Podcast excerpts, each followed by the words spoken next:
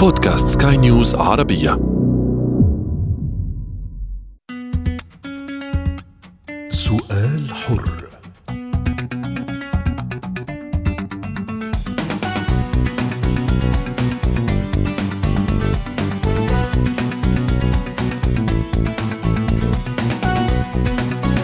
عدد جديد من سؤال حر. أهلا بكم مستمعين أينما كنتم معكم عمر النخل. القدوة عنوان مجتمعي أكثر من مفيد وأكثر من مؤسس لتكريس شخصية واثقة قادرة على مواجهة التحديات الحياتية والإنسانية وحتى النفسية، فالتمثل ببعض السمات الملهمة تجد أو تجد مسؤول بحد ذاته على أمل نتيجة إيجابية. لكن النتائج ليست إيجابية دائما. عامل المبالغة في استلهام سمات قدوة ما من شأنه الدفع بالشخص إلى خيارات لا تناسبه ولا ولا تلائم. ربما الأحلام التي أمضى سنوات طويلة يعد لها. فلنتخيل المشهد. طموح وأحلام تقترب من تحقيق نفسها وإذ بها تصطدم بقدوة تدفعها لتغيير رؤاها وأفكارها ولربما أيضا تخصصها العلمي والمهني. الأثار هنا قد تكون مدمرة لأن إصلاح سنوات طويلة لا يأتي بكبسة زر. فالموازاة هنا تصبح العنوان الأكثر إلحاحا وهذا أيضا تحد أكبر وأهم لكونه يحفظ أحلام وطموحات الفرد وبصمته التي جاء بها إلى هذه الحياة ولكن مع المزيد من الاستزادة من سمات الملهمين المفيدة في مجالات أخرى إضافية.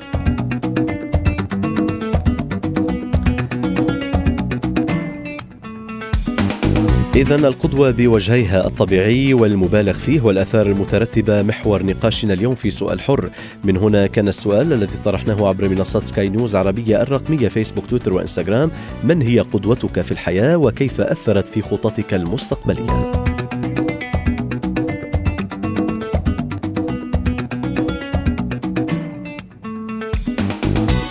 وطبعا تعددت وتنوعت تعليقات أصدقاء البرنامج الواردة عبر منصاتنا. نقرأ من تعليق نجوى قدوتي كل شخص عمل للإنسانية وسخر اهتماماته ومهاراته وتخصصه لهذا الهدف السامي.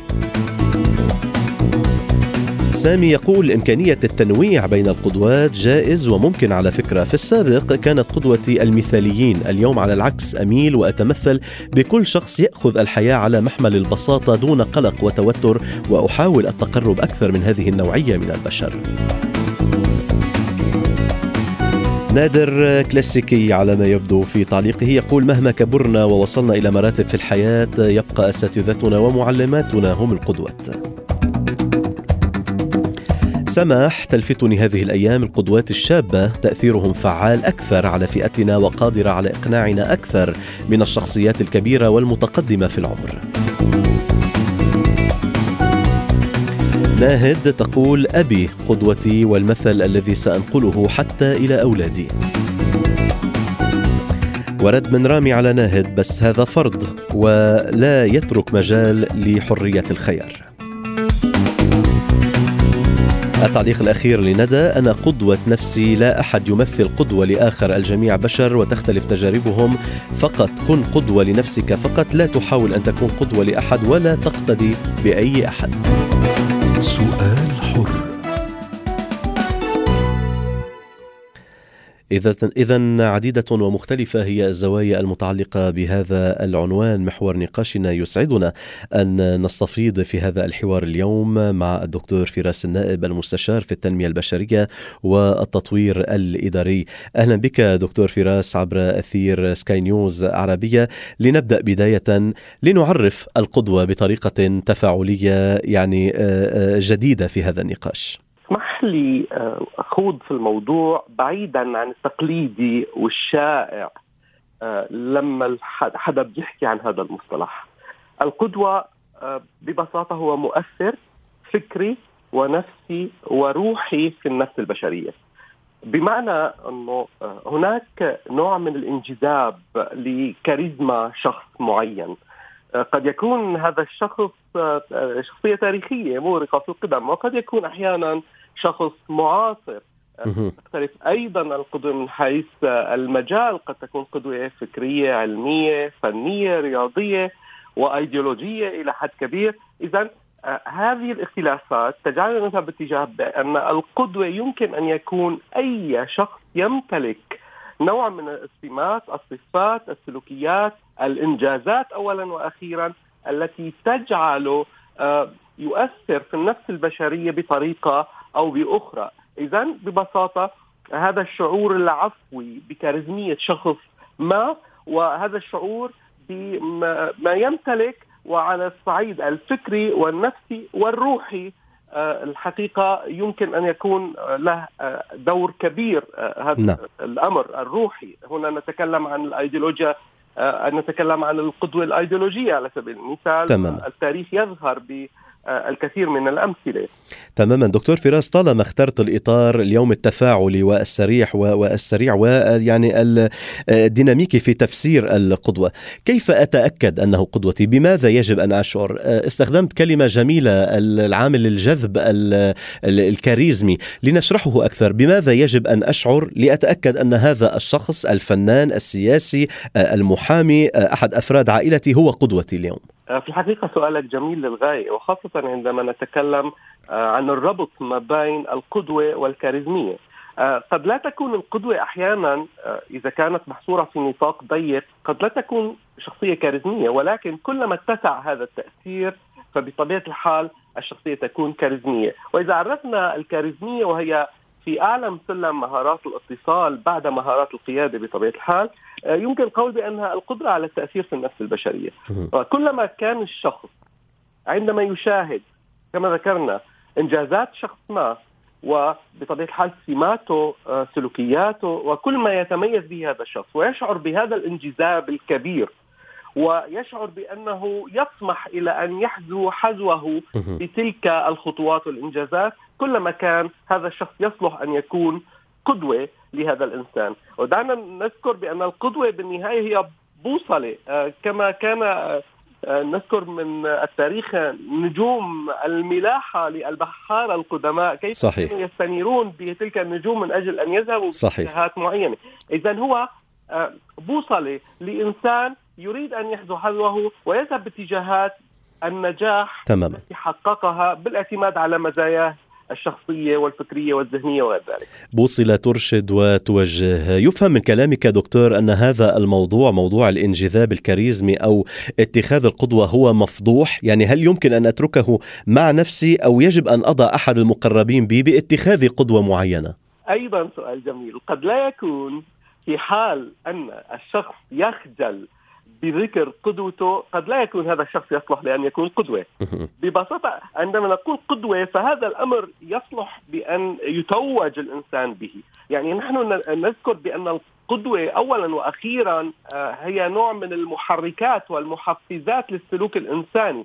وإذا كانت هذه السلوكيات باتجاه الانحراف أو باتجاهات مخجلة كما ذكرت حضرتك نعم. فقد لا يكون الشخص من الأساس يصلح أن يكون قدوة. وقد هذا الأمر ينقلنا إلى ليفل آخر بأنه آه، هناك مثل أي شيء آخر في الحياة إيجابيات وسلبيات. صحيح. وأيضا يمكن أن يكون هناك قدوة سلبية تذهب بالإنسان إلى اتجاهات قد آه، لا تكون إيجابية بحقه. نعم. تحدثنا طويلا عن الانجذاب الكاريزمي لندخل أكثر أيضا بنقطة تفاعلية وسريعة. هل يمكن أن ينعكس تقليد؟ نحن الآن نتحدث طبعا عن القدوات الإيجابية عن القدوات المحسنة أو المحفزة للوصول إلى شخصية ثابتة قادرة على المواجهة. هل يمكن أن أقلد في المنهج أو بالشكل مثلا؟ آه، وتبدو واضحة علي هذه المؤثرات. ليس هناك بالضرورة حاجة إلى التقليد وإن كانت متاحة بمعنى عندما آه، أذكر آه، من التاريخ المعاصر شخصية استطاعت أن آه، تذهب باتجاه نجاحات قصوى في المجال الذي كان يعمل به. لماذا لا يكون هناك قد يكون تصور لهذا النجاح ولكن بخطوات مختلفة. يعني ليس بالضرورة أن تكون نفس الخطوات ولكن أيضا هذا الأمر متاح لسبب من الأسباب يمكن أن نعرفه بمصطلح ذوبان الذوب أو أو دعنا نقول كلمات أقل تطرفا غياب الخصوصية غياب الخصوصية في الزمن المعاصر قد لا يكون إيجابي بحق الشخص الذي يريد أن يحصل على قدر من النجاح، حتى صحيح. وإن كان لديه قدوة، ولكن يمكن أن تكون هناك تلك البصمات التي تميز شخصيته وإنجازاته. أنا شيء في غاية الأهمية بأنه على الإنسان أن لا ياسر نفسه بأشخاص.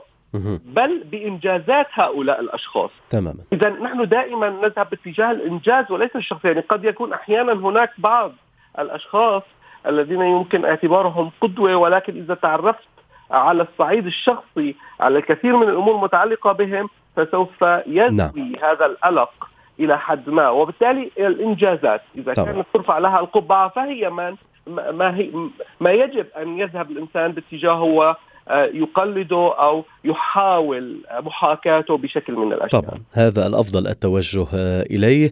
مساحة كافية ووافية لكل ما يتعلق بالقدوة الإيجابية وانعكاسها على الذات للتطوير ربما للوصول للطموح. لكن لكل شيء دكتور حدود في النهاية في نهاية المطاف. أحيانا آه، تصطدم الأحلام والطموحات المعدة والتي فكرت فيها وقمت بأعدادها لسنوات بقدوات قد تغير من كل مسار حياتي نتيجة تكتيك خاطئ مهارات آه، آه، مهارات غائبة. حدثنا هنا عن الخطورة ولنعد أو نتخيل المشهد ثانية. أنا كبرت حلمت بتخصص معين بمهنة معينة. صودف وجود قدوة أمامي تأثرت بها تأثير آه، آه، آه، غير متقن غير محكم. فانحرفت عن المسار وأضعت سنين من عمري باتجاه ربما مسار آخر مهنة أخرى تخصص آخر. ما الخطورة المترتبة علي كفرد وعلى مجتمعات قد تتأثر تأثيرا خاطئا ببعض القدوات؟ الحقيقة القضية التي طرحتها حضرتك حيوية للغاية. بمعنى بأن آه، القدوة يجب أن تكون إلى حد كبير حاضرة في ذهن الإنسان ولكن ليس أسير لها لأنه قد لا يمتلك من تلك السمات والكاريزما والصفات والإمكانيات والمهارات التي ما التي تمكنه من أن آه، كما قلنا يحزو حزوها. آه، أنا أذكر هنا من التاريخ الحديث كلمات لأوبرا وينفري.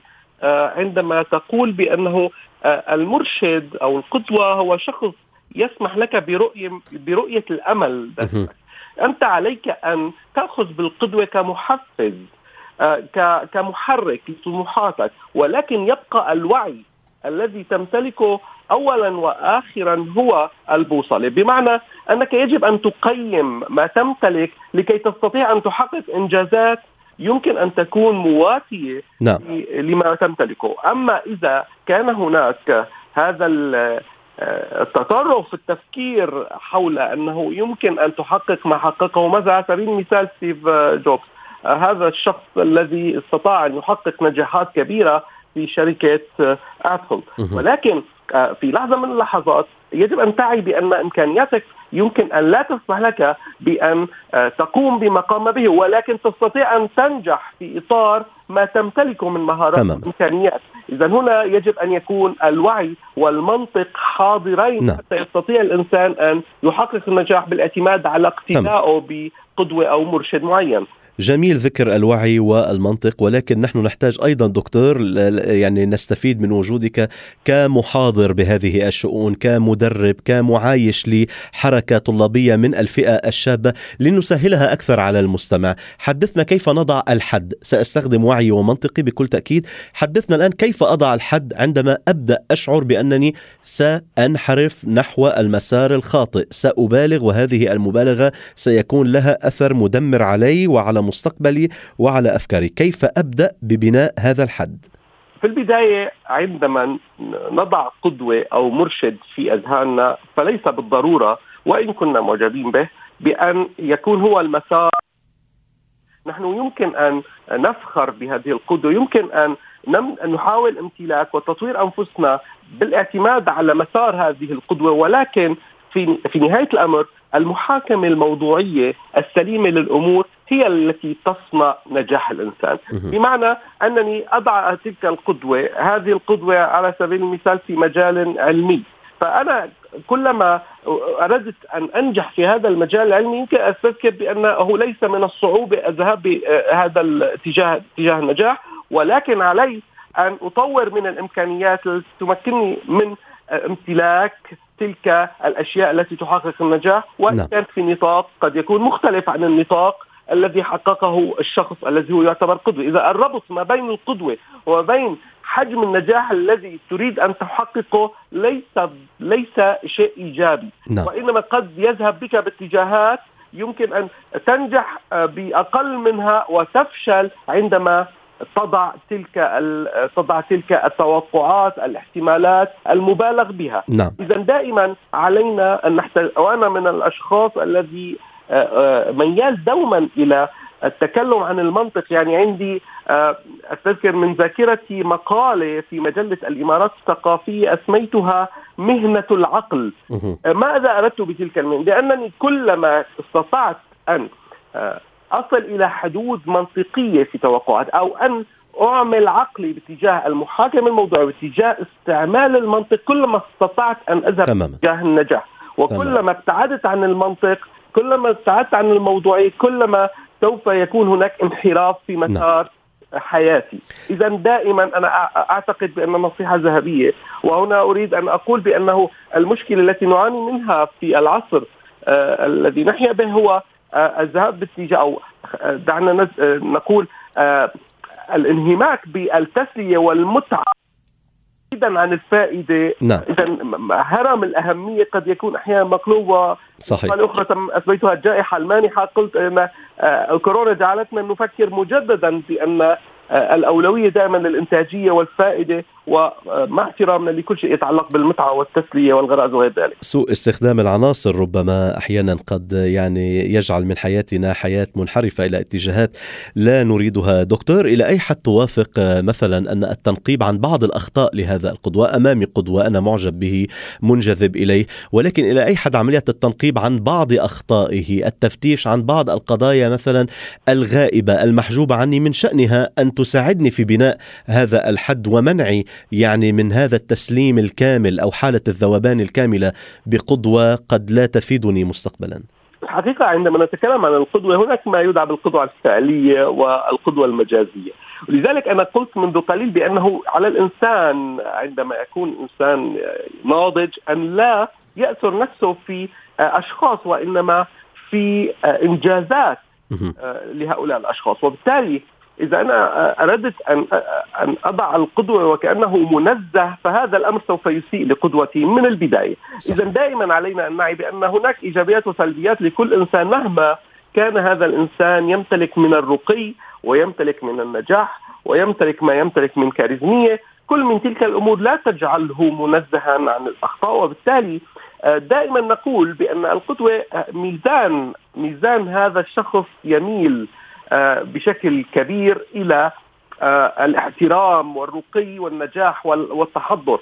وبالتالي أكيد إذا نقبنا كما قلت حضرتك عن أخطاء لهذه القدوة سوف نجد ما آه، لا يمكن أن نستمر بوضعه كقدوة لنا إلا ما رحم ربك. وبالتالي دائما يجب أن نكون موضوعيين نعم. هذا الإنسان نحترمه للنجاحات التي وصل لها وخاصة عندما ترتبط تلك القدوة بنجاحات على المستوى الإنساني نعم. عندما نجد بأنه أصاب الكثير من تلك آه، النجاحات باتجاه الإنسانية ونذكر هنا كتاب البروفيسور مايكل هارف عندما وضع آه، الماء الأوائل إذا نقول دائما بأن الفائدة التي قدمها الحضارة التي أسسها لأكبر محيط يمكن أنه وصل إليه نعم. هنا ترفع القبعة لهذه القدوة ولا ترفع القبعة دائما لأشخاص قد لا يكون كما قلنا مع احترامنا لجميع المهن قد أضافوا شيء للإنسانية وللحياة.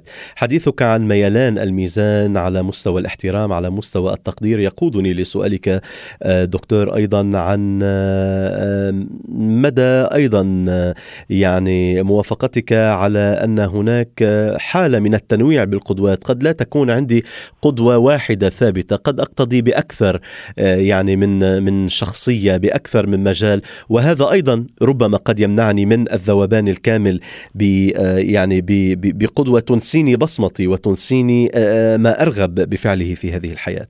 في نهاية الأمر القدوة يمكن أن تتبع المجال لأنه كما قلنا هناك قدوة سياسية هناك قدوة علمية هناك قدوة فنية رياضية وغير ذلك من تلك المجالات. وبالتالي أكيد كلما أردت أن تصيب نجاح في مجال ما من الممكن أن تستذكر في ذاكرتك قدوة في هذا المجال. لأن التنويع شيء أساسي وخاصة كما قلنا بأنه آه، نحن لا نتحدث عن شخصيات منزهة بالكامل وبالتالي نتحدث عن آه، ما أصابوا من نجاح وبالتالي النجاح يحترم. لا يمكن لأحد أن ينكر النجاح صحيح. على أحد، أنا كلما كنت آه، أقرأ في التاريخ وحتى في التاريخ المعاصر كل ما وجدت أشخاص استطاعوا أن يقدموا للإنسانية وللحضارة ولمجتمعاتهم ولدولهم الكثير من المكاسب والامتيازات كلما أشعر بالامتنان والفخر وأشعر بأن هذا الشخص يصلح أن يكون قدوة وبالتالي نعم. آه، كل مجال يتيح لك أن تضع هذا المرشد هذه البوصلة التي تسمح لك بأن تحذو حذوهم وأن تخطو على خطاهم من أجل أن تكون شخص أكثر نجاحا على أقل تقدير، نحن لا نريد أن نعم. نستنسخ الأشخاص تماما. وإنما نريد أن نستنسخ النجاحات آه حتى كما يقول أحد المصلحين نعم. في القرن التاسع عشر فريدريك دوغلاس عن آه من من من الأبسط أو من الأفضل أن تنشئ آه، أطفال وشبان أقوياء من أن نعم. تصلح رجال صحيح أو مشوهين أو غير ذلك وبالتالي القدوة يجب أن تكون ناشطة في المرحله نعم. العمرية المبكرة هذا الأمر ينصح به. نعم. الوقت المتبقي دكتور دعنا نخصصه للمتعثرين ربما باستخدام أو ب يعني بانتقاء القدوة والذين آه، يعني آه، وجدوا نتائج آه، سلبية. هذا القدوة الذي اتخذناه لسنوات وعشنا حلمه وحلمنا بأن نكون مثله.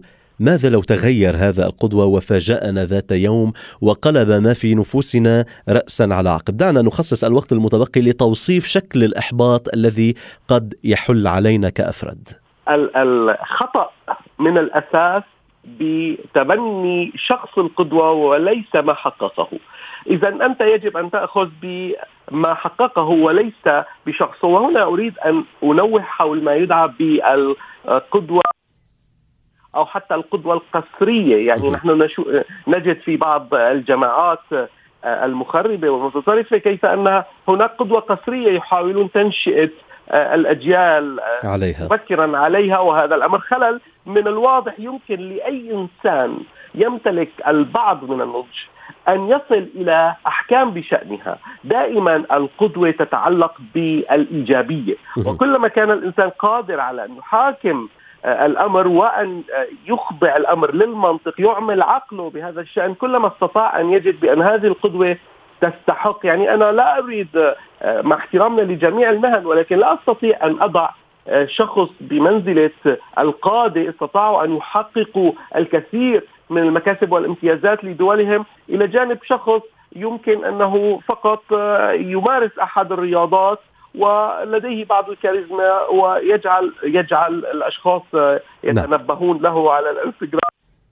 لا أستطيع أن أضع بكفتي ميزان ما حققه ما حققه قائد أو زعيم صحيح. إلى جانب آه، مهما كانت المهنة الأخرى التي تحترم تماما. والتي تقدم تسلية أو متعة ونحترم هذه نعم. التسلية والمتعة التي تقدم.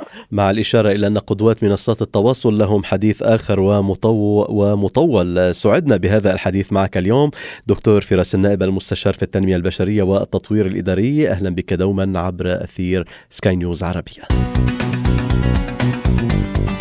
وصلنا إلى ختام عدد اليوم من سؤال حر. شكرا للمتابعة وإلى اللقاء. سؤال حر.